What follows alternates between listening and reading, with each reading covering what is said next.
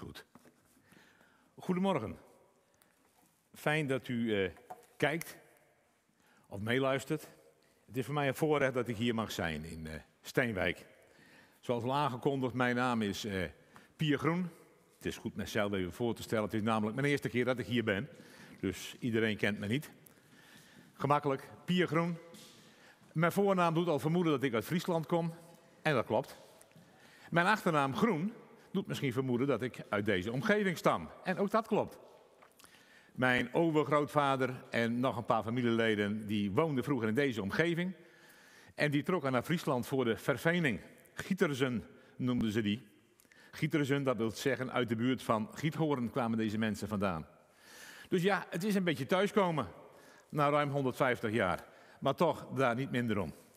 Uh, ik wil vandaag met u spreken over het fundament. En waarom kies ik het fundament? Ik zal iets meer van mezelf zeggen daarover. Uh, Pier Groen, wat ik noemde. Friesland, ik heb gewerkt bij het bedrijf IJsselmeerbeton. Meer dan 30 jaar. Nu ondertussen heb ik een eigen adviesbureau. Maar IJsselmeerbeton, voor wie dat niet kent, bedrijf uit Lemmer. Wat vooral bekend is om zijn heipalen. Funderingen dus. En ik ben er gekomen als adviseur, constructeur, om funderingsonderzoek te leiden en ook funderingsadviezen te geven. Dus vandaar dat het onderwerp fundering mij ontzettend aanspreekt. Uh, funderingsonderzoek, wordt meestal bodemonderzoek genoemd. Misschien hebt u er wel eens kennis van gemaakt. Als u een nieuw pand bouwt, een nieuwe woning bouwt, dan moet daar eerst onderzoek worden gedaan. Over de grond kan ik hier wel bouwen en hoe moet ik dan bouwen? Nou, dan komt een zondeerauto langs in het algemeen. Dat is een soort kleine truc met meetapparatuur aan boord, een soort laboratoriumwagen. En die duwt een pen van 3,5 centimeter de grond in. Dat gaat heel gestaag. Maar die pen, het uiteinde daarvan, zit vol met meetapparatuur. Dat meet de weerstand van de grond.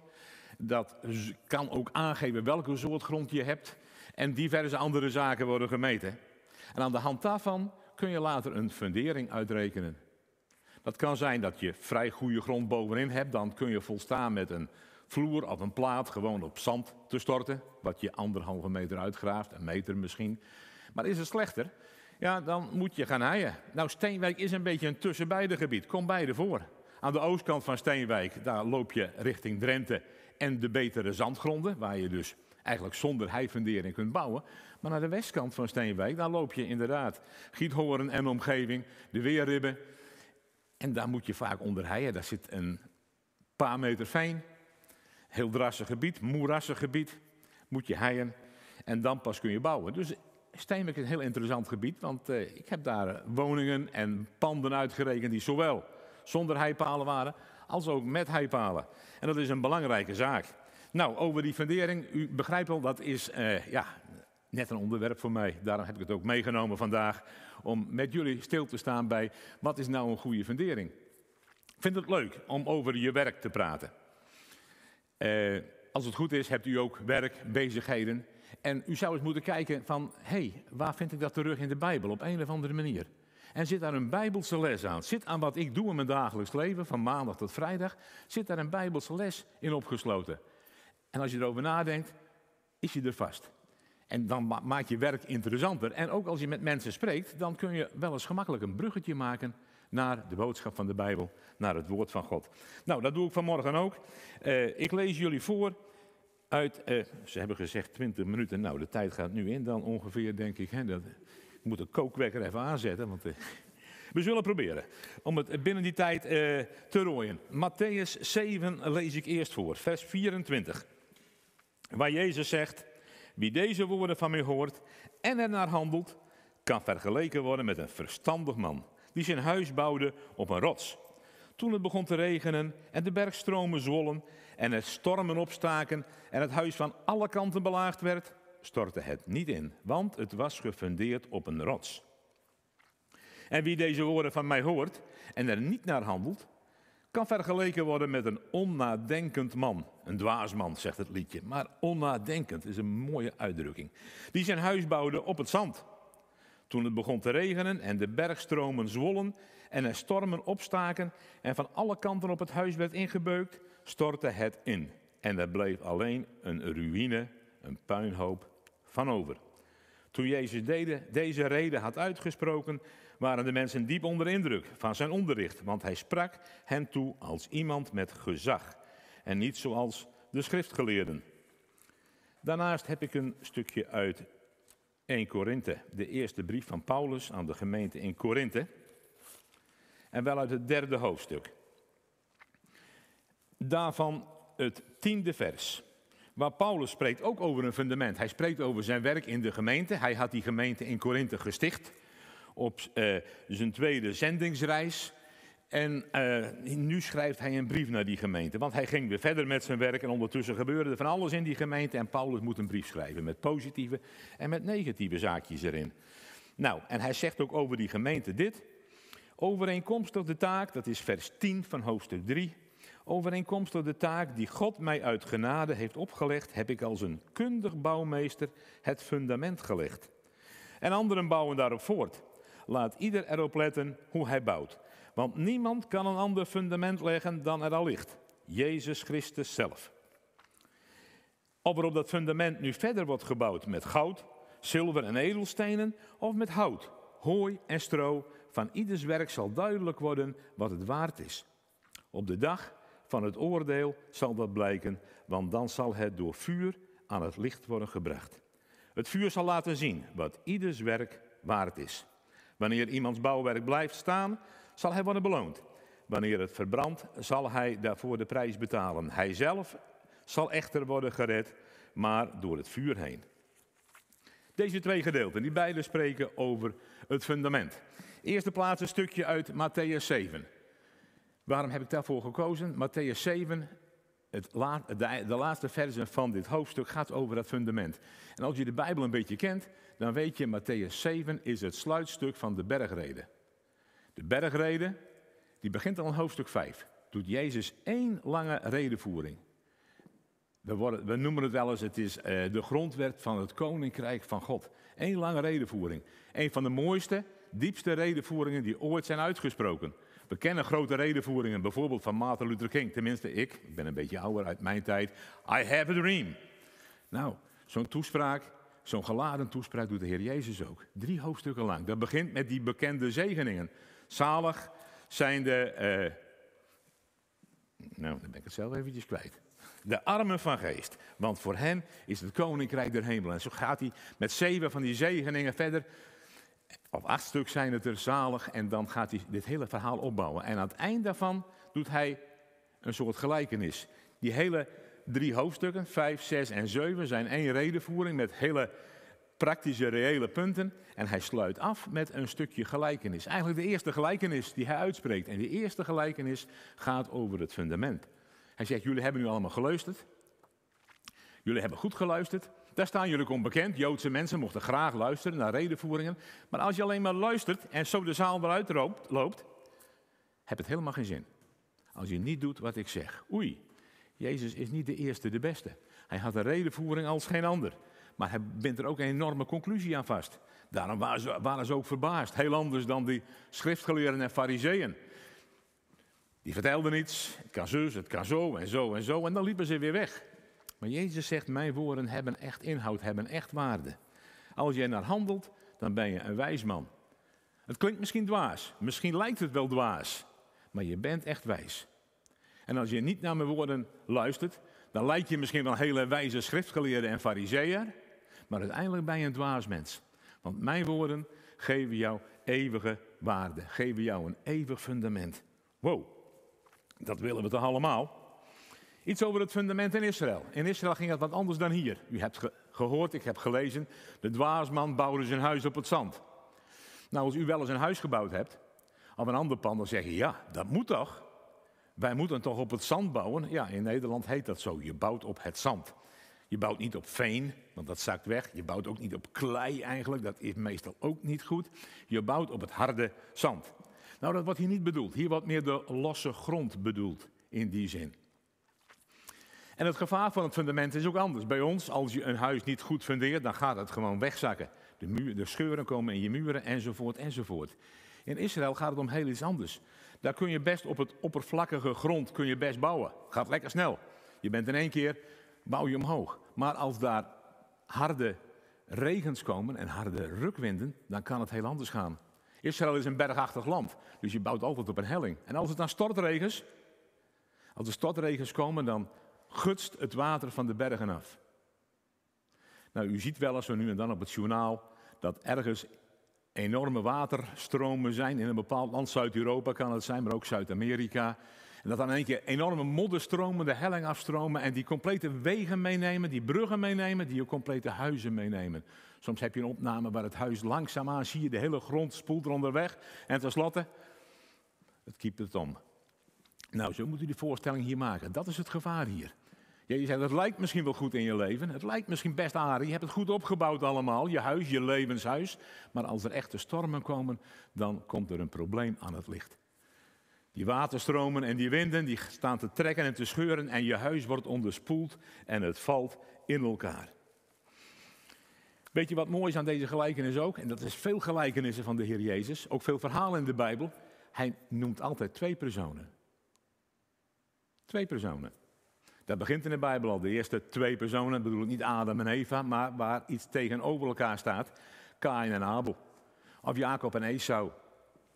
Of we weten de twee personen, de twee zonen van eh, de vader van de verloren zoon. Een mens had twee zonen. En heel vaak zie je dat de Heer twee dingen naast elkaar zet. Gauw het eenvoudig, zegt hij als het ware. Twee dingen. Wat vind je ervan? Op wie lijk jij? Op deze of op die? En wie zou je graag willen worden? Deze of die? Heel simpel, heel eenvoudig onderwijs. Je zou zeggen, nou, als het christelijk geloof niet meer is dan dat, is het zo simpel. Ja, maar er staan heel veel van die twee stukken in, van die twee spals als het ware. Waar kies je voor? Waar kies je voor? De beroemdste en de laatste die de Heer Jezus meemaakt, is bijvoorbeeld als hij aan het kruis hangt. We gaan naar Pasen toe. En wat gebeurde aan het kruis? Er hongen twee misdadigers naast hem. Eén links, één rechts. En de ene zei, die begon te spotten. Haha, kom van het kruis af, Christus, en neem ons erbij. Dan is dat wel lekker gemakkelijk. Ben ik ook van dat kruis af. Waar die man de moed en de kracht vandaan haalde om in zijn stervensuur, zijn stervensdag, nog te gaan spotten met God. Maar zo gebeurt het soms, helaas.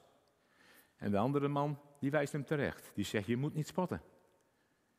Wij zijn in hetzelfde oordeel terechtgekomen, namelijk de doodsstraf. En wij terecht. Maar deze heeft niks verkeerds gedaan. En hij zegt, Heer Jezus, denk aan mij als u in uw koninkrijk komt. En wat zegt de Heer Jezus? Vandaag zul je met mij in het koninkrijk zijn. Kijk, daar zijn die twee fundamenten weer. Waar lijk je op? Waar lijk je op? Ben je degene die soms ook loopt te spotten? Die zegt, nou, Christus, doe er eens wat aan. Of ben je degene die zegt, ja, wat in mijn leven is, dat is misschien terecht. Uiteindelijk ben ik een zondaar. Uiteindelijk schiet ik tekort. Ik kan wel een grote mond hebben tegenover mijn medemens, een grote mond tegenover God, maar ik schiet tekort. Als je diep in je hart kijkt, moet jij dat weten. Je schiet tekort. En dan is er maar één oplossing dat je zegt, Heer Jezus, denk aan mij. Heer Jezus, wees u mijn fundament. Mijn fundament voor in dit leven, mijn fundament voor in de eeuwigheid. Wonderlijk, hè, die twee keuzes steeds. Wie ben je en wie wil je zijn? Nou, uiteindelijk wil ik graag die laatste zijn. Die zegt, Heer, denk aan mij als u, als u in uw koninkrijk komt. Het kortste fundament. Het snelste fundament om te bouwen, zou u zeggen. De man heeft geen tijd meer gehad om te bouwen. Het was een fundament, maar eigenlijk bouwt hij nog steeds door. Als u vandaag dit verhaal hoort, dan bouwt hij nog steeds zijn getuigenis. Ik moet even op mijn tijd letten. Oké, bouwen van het fundament, daar moet dat voor gebeuren. Er moet gegraven worden, er moet uitgediept worden. Het lijkt of er niks gebeurt. En de andere man, die in één keer begint te bouwen, dat gaat heel snel. Als de eerste man, de wijsman, nog maar amper uit de grond is, heeft de tweede man zijn eerste verdieping al bereikt. Maar schijn bedriegt, zoals heel vaak. Schijn bedriegt. Ook in het christelijk leven. Ja, inderdaad, de man waar ze misschien de gek mee hebben. Wat ben je toch lang bezig, man? Kom eens uit die grond vandaan. Je lijkt weer een mol.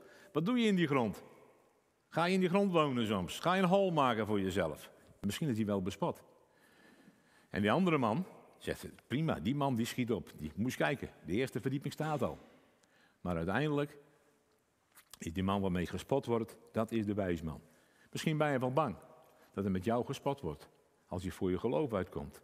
Maar uiteindelijk ben jij de wijze man, de wijze vrouw. Als je bouwt op Jezus Christus, ja, die rots is Jezus Christus waarop gebouwd wordt. Het fundament is Jezus Christus. Hoe dan? Jezus Christus. Zijn woorden en zijn daden. Zijn woorden die hij gesproken heeft. Wie in mij gelooft, heeft eeuwig leven. Zijn woorden waren: Zo lief heeft God de wereld gehad dat hij zijn enige geboren zoon gegeven heeft.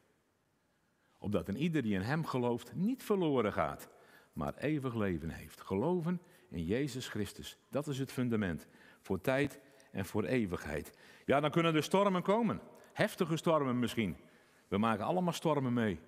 Als je gelovig bent of niet gelovig. Iedereen maakt stormen mee in zijn leven. Als je jong bent, denk je, ik kan de hele wereld aan. Mij kan niks gebeuren.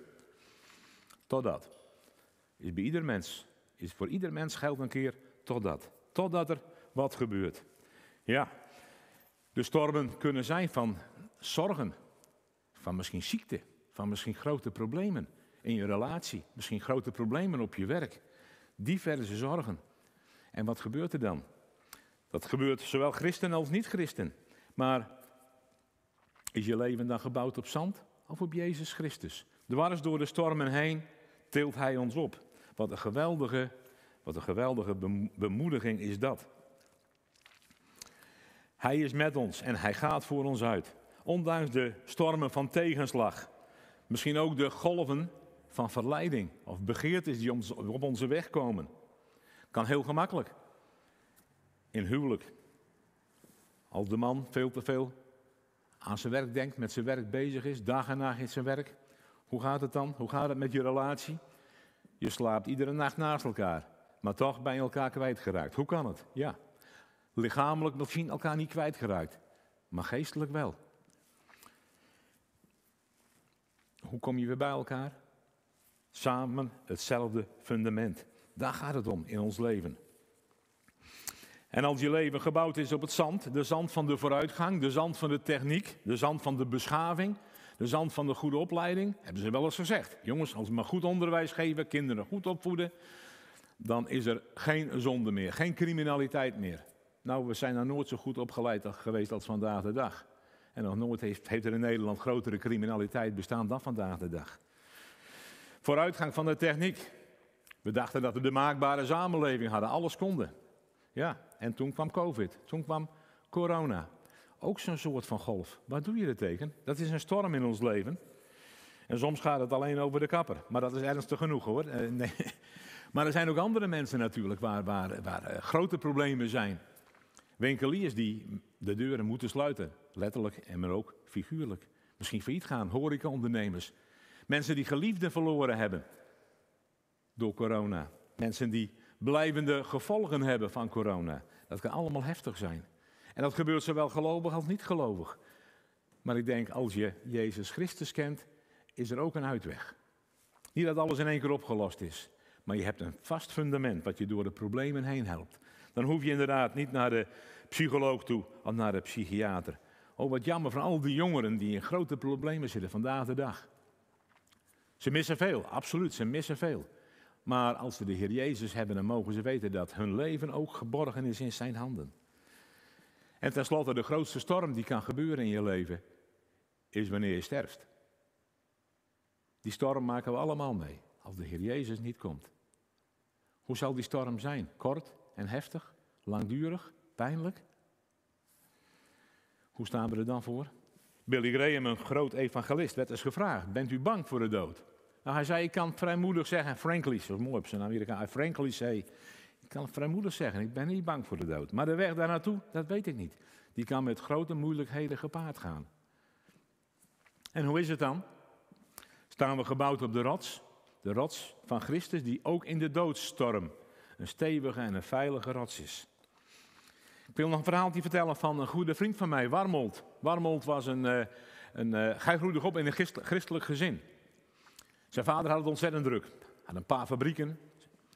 Zijn moeder was een christelijke vrouw, die bad voor hem, zei hij. Maar als een jonge kerel wilde hij de wijde wereld in. Niet meer die bekrompenheid van de christelijke kerk, niet meer die bekrompenheid van Nederland. Hij werd zeeman op de grote vaart, stuurman, kapitein. Ik zal het kort vertellen. Maar ja, in alle havens, ik zal niet zeggen in ieder stadje een ander schatje, maar zo ging het ongeveer wel met de goede man. Hij was getrouwd, had een kind. Maar toch, drank, alcohol, seks, andere verleidingen. De grote jongen hingen, groot geld verdienen. U begrijpt het als zijn relatie liep stuk. Zijn werk liep stuk. Op een gegeven moment zat hij op zijn zolderkamertje in een grote stad zonder iets. En toen ging hij nadenken. Ja, vele dagen lang, zei hij. Dacht na, weken lang. En tenslotte zei ik, Heere God, zonder u wordt het helemaal niks. Hij zei, het was als op een hand met mijn stoel duwde, me op de grond sloeg. Daar bad ik. Dan zei ik, Heer Jezus, zonder u is mijn leven een puinhoop. Net als hier die dwaze man. En sinds die dag is dat geloof gekomen, heeft met de Heer Jezus geleefd. Hij is eh, aan het werk gegaan onder zeelieden. Hij heeft het boekje God leefde onder ons, hij leefde onder ons. Misschien kent u het, een stripverhaal over het evangelie van Lucas. Heeft hij uh, de rechten daarvan gekocht. Hij heeft er meer dan 50 miljoen van verspreid. Met name in India, maar ook in Rusland, in Oost-Europa. Geweldig tot zegen geweest. Zo kan het gebeuren. Als je weet, zonder God wordt het niks. Zonder Jezus is je levenshuis iets wat invalt. En dan is het zaak dat je wat kunt bouwen. Ik heb nog een paar minuten. Uh, ik ga eventjes naar het hoofdstuk van 1 Korinthe. Bouwen, want daar hebben we het met name over bouwen gehad. Er ligt een fundament. En ik spreek tot ieder lid van deze gemeente. En iedereen die verder meeluistert. Hoe bouwt u? Bouwt u als er een fundament ligt, Jezus Christus. Dat zei dit stukje. Ik lees het nog eens een keer. 1 Korinthe 3, vers 11. Want niemand kan een ander fundament leggen dan er al ligt. Jezus Christus zelf. Dat is het fundament. En dan is je werk dan klaar, kun je zeggen, nou dat is goed gedaan jongens, ik heb het fundament. Nee, dan begint het pas. Als je op een nieuwbouwterrein komt daar ligt een fundering, alleen een fundering overwoekerd door gras en onkruid, dan weet je al, het is niet goed gegaan met die bouwen. De fundering is wel mooi, maar er is niks op gebouwd. Dat is toch verspilling? Nee, God wil dat je bouwt. Je moet verder bouwen. En dan zegt Paulus, hebben we twee keuzes. We kunnen bouwen met zilver en goud en edelstenen of met hout, hooi en stro. Ik denk, wat gekke keuzes. En waarom is dat weer een tegenstelling? Trouwens, weer een tegenstelling. Hè? Weer een gelijkenis met twee dingen. Waar bouw jij mee? Met hout? Met hooi? Met stro? Lijkt wel goed, hout. De helft van de woningen ter wereld zijn met hout gebouwd. Misschien wel meer dan de helft. Nou, zo bedoelt Paulus het niet. Hij zegt eigenlijk van, weet je, je levenswerk zal getest worden, beproefd worden. Dat gaat niet om het eeuwig oordeel, dat denken sommige mensen. Dat is niet waar. Het eeuwig oordeel ligt in je geloof in Jezus Christus. Maar dit toetsen zal God doen. Met jouw leven, met jouw leven, met jouw leven. Oké, een fundament. Mijn zoon, Christus. En wat heb je ermee gedaan? Hoe heb je erop gebouwd? Het vuur zal het aan het licht brengen. Dat klinkt een beetje eng, maar het is niet meer als de toets, de test. Niet letterlijk vuur, er is een test. De test zal het openbaar maken wat je gebouwd hebt. En wat is dan hout? Hout spreekt van de mens. Hm? Een mens wordt vaak geleken met een boom in de Bijbel. Hout spreekt van de mens. Heb je voor jezelf gebouwd? Voor je eigen leven, voor je eigen heerlijkheid? Voor je eigen carrière, voor je werk, voor je eigen hobby's? Heb je voor jezelf gebouwd? Dat is hout. Hooi en stro in een agrarische maatschappij zijn hooi en stro ontzettend belangrijk. Een droge zomer en een lange winter, dan hebben de boeren gebrek aan hooi en aan stro. En dan wordt het in één keer goud waard. Nou, in die tijden, het heeft te maken met je handel. Heeft te maken met hoe je je geld verdient, je economie. Ben je druk bezig alleen met geld verdienen? Geld verdienen is noodzakelijk voor je gezin, voor je onkosten. Maar is dat alles? Nee, zegt Paulus. Dat zal allemaal op den duur, gaat het van de baan. Als het daar alleen bij blijft. Nee, je moet bouwen met goud, zilver en edelstenen. Dit zijn de belangrijkste bouwstenen die ook bij de, bij de tempel gebruikt worden. Kijk maar eens als Salomo de tempel gaat bouwen, worden deze bouwstenen als eerste gebruikt. Oei, is al een hint. Je mag bouwen op het fundament van Jezus Christus als een soort tempel voor God. Jouw leven, jouw lichaam, jouw persoon is een tempel van de Heilige Geest. De gemeente is een geheel ook. Daar spreekt Paulus ook over, maar ook jij persoonlijk. En hoe bouw je dan? Goud. Goud spreekt met name van de heerlijkheid van God. De grootheid, de uniekheid. Niet te overtreffen. Zo groot, zo machtig is God. Zo rijk aan alles wat hij bezit. Maar ook zo groot in heiligheid. Is jouw leven daar een afdruk van? Van de grootheid van God? Klinkt dat goud door? Het goud van God? Zilver. Zilver is minder belangrijk, zou je zeggen. Maar zilver in de Bijbel wordt gebruikt voor een losprijs. Zilver is het prijs, de prijs van de verlossing. Werd niet Jozef verkocht voor zilverlingen? Werd niet de Heer Jezus verkocht voor zilverlingen? In het Oude Testament staat dat mensen vrijgekocht, losgekocht konden worden door zilverlingen. Zilver is de prijs van de verlossing. Kenmerkt dat jouw leven? Dat de Heer Jezus jou verlost heeft en die prijs van de verlossing. Hij gaf zichzelf voor jou. Hij ging naar Golgotha omdat hij jou zo lief had. Dat is de prijs van de verlossing. Kenmerkt dat jouw leven, de prijs van de verlossing? En de edelstenen. De edelstenen spreken van al de heerlijkheden van de Heer Jezus. Wat een groot persoon was hij. Hij, de Zoon van God, die vrijwillig naar deze aarde kwam. Voor jou en mij. Om zijn leven te geven. En kijk hoe hij dat deed, dwars door de evangeliën heen. Overal, vanaf iedere bladzijde fonkelt zijn grootheid en zijn heerlijkheid. Edelstenen. Maar edelstenen, en daar sluit ik mee af, edelstenen spreken ook van de toekomst. Heb je wel eens gelezen in Openbaring 21? Het nieuwe Jeruzalem, straten van goud, maar fundamenten bekleed met edelstenen. Ach, we zijn terug, de cirkel is rond, het fundament. Jezus Christus, daar ook in het nieuwe Jeruzalem. Maar oh, wat een heerlijk fundament. De meeste fundamenten zie je niet, hè? Fundamenten liggen onder de grond. Maar het nieuwe Jeruzalem is dat fundament een prachtig mooi iets. Fundamenten bekleed met edelstenen. Jezus Christus en zijn heerlijkheid. Dat spreekt ons van de toekomst. Zijn er edelstenen in jouw leven? Die spreken van de heerlijke toekomst van de Heer Jezus. Hij komt terug. Hij haalt zijn gemeente op. En hij komt ook met het duizendjarig vrederijk. Spreken we nu niet over, maar spreekt alles van zijn grote heerlijkheid. Dwars onder COVID, dwars onder iedere ziekte of iedere tegenslag die je kent, mag je weten, de toekomst ligt in zijn hand. De, toegang, de toekomst is enkel edelstenen. Amen. We willen bedanken en bidden. Heer Jezus, we willen u hartelijk danken voor uw grootheid. Dank u wel, Heer Jezus, dat u gekomen bent naar deze wereld. Dat u ons gewezen hebt op het fundament, het fundament van uzelf. Het fundament van uw lijden en sterven op Golgotha. Het, het fundament van die eeuwige verlossing. Oh, wat een prijs hebt u betaald. Maar gelukkig, u kwam. En u deinsde niet terug. U wist wat alles wat over u zou komen. En toch ging u door. Heer Jezus, we willen u prijzen en groot maken vanmorgen voor dat grote werk wat u gedaan hebt. Maar bovenal ook die wondere persoon die u bent. Dat u het fundament bent voor ons leven. Niet alleen nu, maar ook voor de toekomst. En Heer, we willen vragen voor ieder die dit hoort en die misschien nog niet zeker is dat hij u als fundament van zijn leven heeft. Mag die vandaag de beslissing nemen. Mag die zeggen, Heer Jezus, u bent ook voor mij gekomen. En Heer Jezus, u stierf voor mij. U hebt betaald voor mij. Ik wil graag dat u in mijn leven komt. Mag die persoon zijn leven openen voor u. En voor ieder die u kent, Heer, mogen we bouwen. Bouwen op het fundament wat u bent. En bouwen dat ons leven een blijk mag zijn, een lied mag zijn van uw heerlijkheid, van uw grootheid, van uw trouw, van uw schoonheid. En ook van die wondere prijs van de verlossing. Wij zijn verlost. Ja, het heeft uw bloed gekost, maar we zijn verlost. Voor tijd en voor eeuwigheid. Dank u wel dat u ons fundament bent, dat u onze toekomst bent. Dank u wel dat we mogen rusten in uw trouw. Amen. Willen we nu zingen? Lied 123 uit Opwekking. Tenminste, de band speelt het voor ons.